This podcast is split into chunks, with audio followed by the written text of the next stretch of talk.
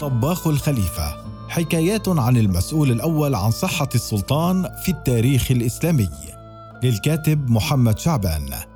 على مدار التاريخ العربي الإسلامي احتل طباخو السلاطين أهمية كبيرة كونهم المسؤولين عن غذاء الحكام وسلامة صحتهم. ولذلك كان من الطبيعي أن يختاروا بعناية ووفق معايير عدة منها الأمانة والبراعة في الطبخ. الأمويون. الخليفة يختار صاحب المطبخ. ثمة ألقاب عدة أطلقت على من يقوم بتحضير الطعام وتقديمه للخلفاء. منها صاحب المطبخ أو القيم على الطعام أو صاحب الطعام والشراب أو صاحب المائدة. ووضعت شروط عدة لصاحب الطعام من أجل العمل في مطابخ الخلفاء بحسب عبد الحليم علي رمضان في دراسته مطبخ الخاصة في الأندلس في العصر الأموي. منها أن يتصف باللباقة وأن يتحلى بالأمانة والعقل وأن يكون نظيفا وحريصا على صحة الخليفة فينصحه بالابتعاد عن الأطعمة التي لا تناسبه والتي قد يكون فيها ضرر عليه. وراح الخلفاء الأمويون يستعينون بطباخين بعد اختلاطهم بالثقافات والحضارات المختلفة مثل البيزنطية والفارسية. وكان الطهاة يقدمون انواعا مختلفة ومتنوعة من الأطعمة على موائد الخلفاء حتى اشتهر عدد كبير منهم بالنهم والبطنة. وذكر القصاص عن خليفة معاوية بن أبي سفيان أنه كان يقول يا غلام ارفع فوالله ما شبعت ولكن مللت حسب ما ذكرت بلقيس شرر في كتابها الطباخ دوره في حضارة الإنسان. وعندما أقام الأمويون دولتهم في الأندلس أكثر من الطباخين في قصورهم يروي رمضان أن الخليفة كان يختار بنفسه من يقوم بوظيفة صاحب الطعام مثل ما يختار غيره من كبار موظفي القصر وذلك لأنها من الوظائف الحساسة لما لها من علاقة مباشرة بصحته خاصة أن محاولات قتل عدة جرت من خلالهم منها محاولة قتل الأمير عبد الرحمن بن الحكم 167 238 هجرية عن طريق دس السم في الشراب من قبل الفتى نصر الخصي لكن الأمير اكتشف المؤامرة وأمر نصر بأن يشرب الشراب الذي أحضره فمات في ساعته. وكان الطباخون في قصور الأندلس من الصقالبه أو الموالي أو الأفارقة وأطلقت عليهم أسماء مثل يمن أو بشر أو عنبر أو ياقوت وبعضهم أطلقت عليهم أسماء مثل ذهير أو طرفة كما عملت النساء في مجال الطبخ. وأبرزهن السودانيات اللواتي اشتهرن بإيجاد صنع الحلويات. لذلك جلبن إلى الأندلس وكانت الواحدة منهن تباع بمئة دينار. ولم يكتف أصحاب المطابخ من الصقالبه بوظيفة الطبخ فبعضهم كان لديه طموحات وتطلعات أكبر منها. ومن بين هؤلاء طرفه صاحب المطبخ الذي تولى المواريث في عام 318 هجرية في عهد الخليفة عبد الرحمن الناصر. العباسيون الطباخون ندماء الخلفاء. في العصر العباسي كان الطباخون القادمون من السند هم الأفضل في قصور الخلفاء واشتهروا بتحضير أنواع لذيذة من المآكل كما زاعت سمعة جيدة وشهرة للطهاة المصريين والهنود حسب ما ذكرت شرارة في كتابها. وكان الطهاة يرتدون لباسا خاصا يميزهم عن الآخرين في المطبخ ومعظمهم من المستعبدين. وكان يفضل المستعبدين السود من الرجال الذين يشترون من سوق النخاسة للقيام بالطبخ. ومن الطباخين الذين اشتهروا في العصر العباسي رجل يدعى يحيى الأزرق وكان طباخ الخليفة أبي إسحاق محمد المعتصم بالله 179 227 هجرية. ووصل الطباخ في العصر العباسي إلى منزلة مقربة من الخليفة تنقل شرارة عن أبي الحسن علي بن محمد الشابشتي في كتابه الديارات أن عبادة المعروف بعبادة المخنس كان أبوه من طباخي الخليفة عبد الله المأمون 170 218 هجرية فكان يرافق والده في أثناء الطبخ فخرج حاذقا بالطبخ بعد وفاة والده واستدعاه المأمون فلما وقف بين يديه تنادر وحاك ومازح فاستطابه المأمون. وأصبح من ندمائه خاصة أن الخليفة كان مولعا بالطبخ ولم يكن الطبخ للسلاطين العباسيين مقتصرا على الرجال فحسب فقد كان من بين الجواري من اشتهر بإتقان الطبخ بالرغم من قلة عددهن في هذا المضمار ومنهن الجارية بديعة التي أهداها الخليفة هارون الرشيد 149 193 هجرية إلى ابن أخيه إسحاق بن المهتدي وقيل عنها إنها كانت من أكثر الناس مهارة وعطاء في فن الطبخ واشتملت اختصاصاتها على الأطباق الباردة والحلويات حسب شرارة.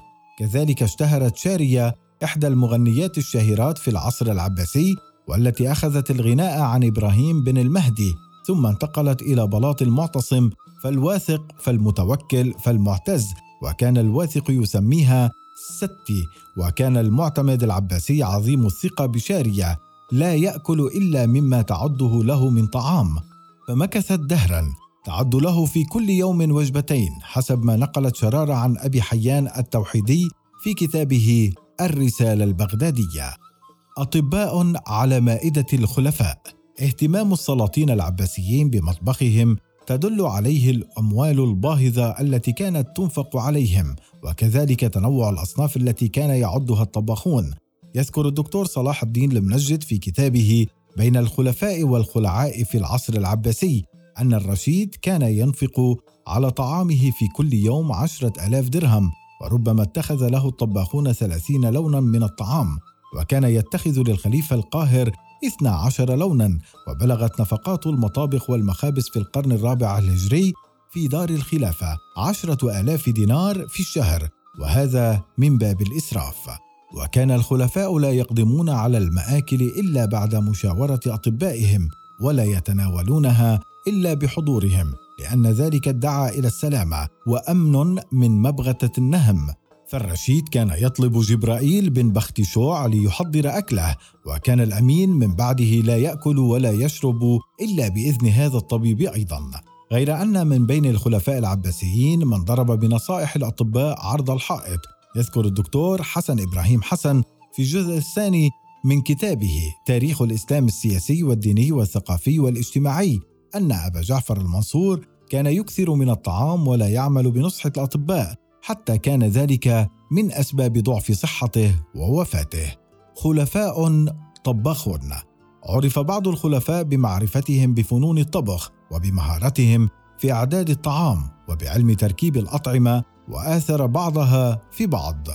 وينقل المجند عن كتاب الشابشتي المذكور انفا أن المأمون جلس في بعض الأيام وأمر بأن تحضر اللحوم والحيوان وما تحتاج إليه آلة الطبخ. قال للندماء ليطبخ كل واحد منكم قدرا. طبخ هو الآخر قدرا. طبخ أخوه أبو إسحاق الخليفة المعتصم لاحقا قدرا. ففاحت لقدر الأخير روائح غلبت على روائح قدورهم طيبا وعطريه فعجبوا من ذلك. وكان عبادة المخنس ابن طباخ المأمون حاضرا فحسده فقال إن أردت أن تزيد في طيب قدرك فصب فيه سكرجة الكامخ أي إناء صغير فيه مشهيات الطعام مثل المخللات.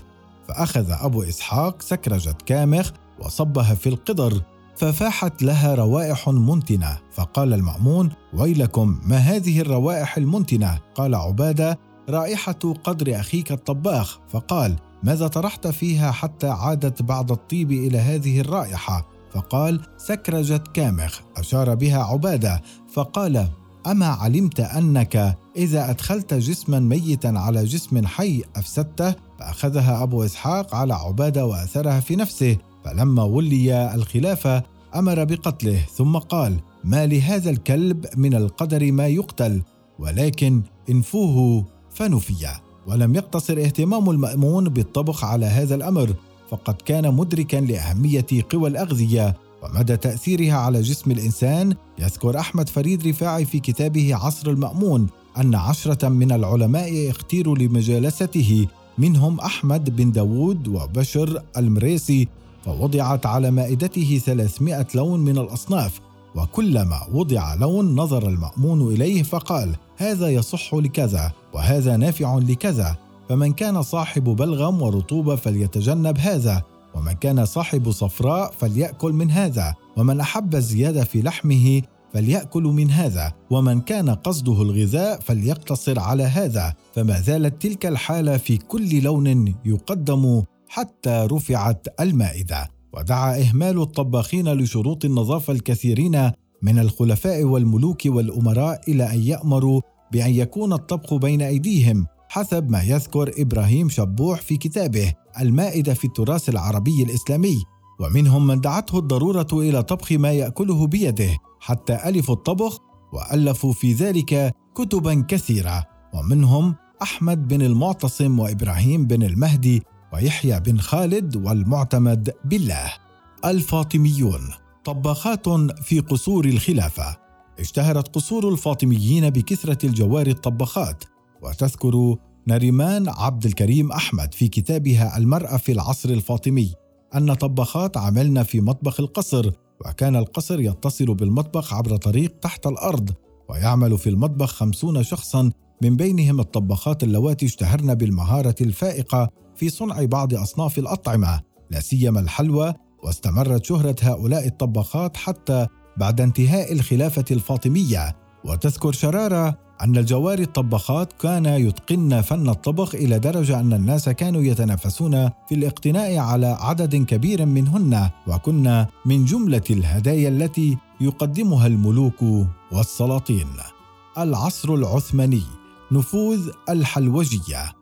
أقدم وصف لمطبخ قصر السلطان العثماني قدمه جيوفاني أنطونيو مينافينوس من مدينة جونوا الذي أسره قراصنة وباعوه كمستعبد إلى السلطان بايزيد الثاني وسرد تجربته في كتابه خمسة كتب عن القوانين والدين ومعيشة الترك.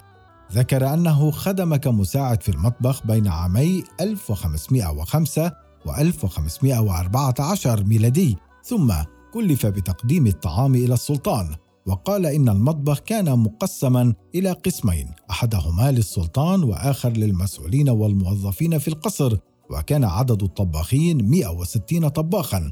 وبحسب شرارة ازداد عدد الطباخين في العصر الذي تلا عصر بايزيد الثاني إلى عدد هائل كما زاد عدد طباخي الحلوى على 600 طباخ في نهاية القرن السادس عشر. وكان المسؤولون عن صناعة الحلوى يشكلون قسما منفصلا في المطبخ ويتميزون عن الطباخين الآخرين بقبعة طويلة بيضاء. وتذكر شرارة أن العصر العثماني كان عصر تخصص بالنسبة إلى الطباخين فكانوا على درجات. في رأس القائمة رأس الطباخين أشيجي باشي ويرأس خمسين طاهيا ثم رئيس طهاة الحلوى حلوجي باشي وله ثلاثون مساعدا.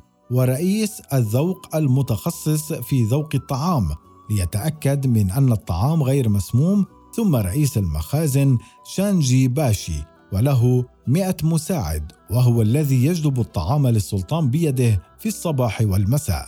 وفي القرن السابع عشر كتب الرحال الفرنسي جون باتيست عن الامتيازات التي كان يتمتع بها من يقومون بعمل الحلوى الحلواجيون.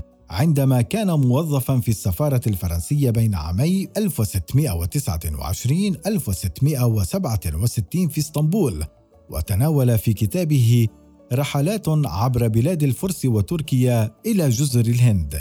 إساءاتهم إلى تلك الامتيازات كان الحلوجيون الأشخاص الوحيدين الذين لهم الحرية في الخروج من القصر ووضعوا ضعف السعر على المواد التي كانوا يشترونها كانت أرباحهم الطائلة من تجارتهم بالبلغمان الذين يجلبونهم إلى القصر وبحسب شرارة وصف تافرنيه بالتفصيل مطابخ القصر في إسطنبول فقد ذكر أن الأبنية كانت متميزة بعضها عن بعض وأن عدد الدوائر التي كانت تخص المطبخ سبع لكل منها رئيس طهاة يديرها فهناك المراقب العام المسؤول عن الإشراف على جميع المطابخ تحت إشرافه 400 طباخ والمطابخ بنفسها مقسمة إلى درجات حسب المنزلة في القصر. وكان أهم مطبخ هو مطبخ الذي يجهز مائدة السلطان مباشرة والثاني الذي يجهز مائدة والدة السلطان وزوجاته وأولاده من الأمراء والأميرات والثالث الذي يجهز طعام النساء من الجواري والمخصصين المسؤولين عن الحريم والرابع للمشرف على القصر والموظفين الذين تحت إشرافه والخامس للمسؤول عن الخزينة والموظفين الذين تحت إشرافه والسادس لحامل الكأس ومن يتبعه والسابع للمسؤول عن السرايا والتابعين له من الموظفين. وكانت مطابخ القصر تقدم عادة وجبتين من الطعام في اليوم وتقدم وجبة متأخرة للسلطان وحرمه في أيام الصيف الطويلة بعد آخر صلاة وكان يقف 200 خادم بين المطبخ وجناح السلطان في صف لنقل أصناف الطعام من المطبخ.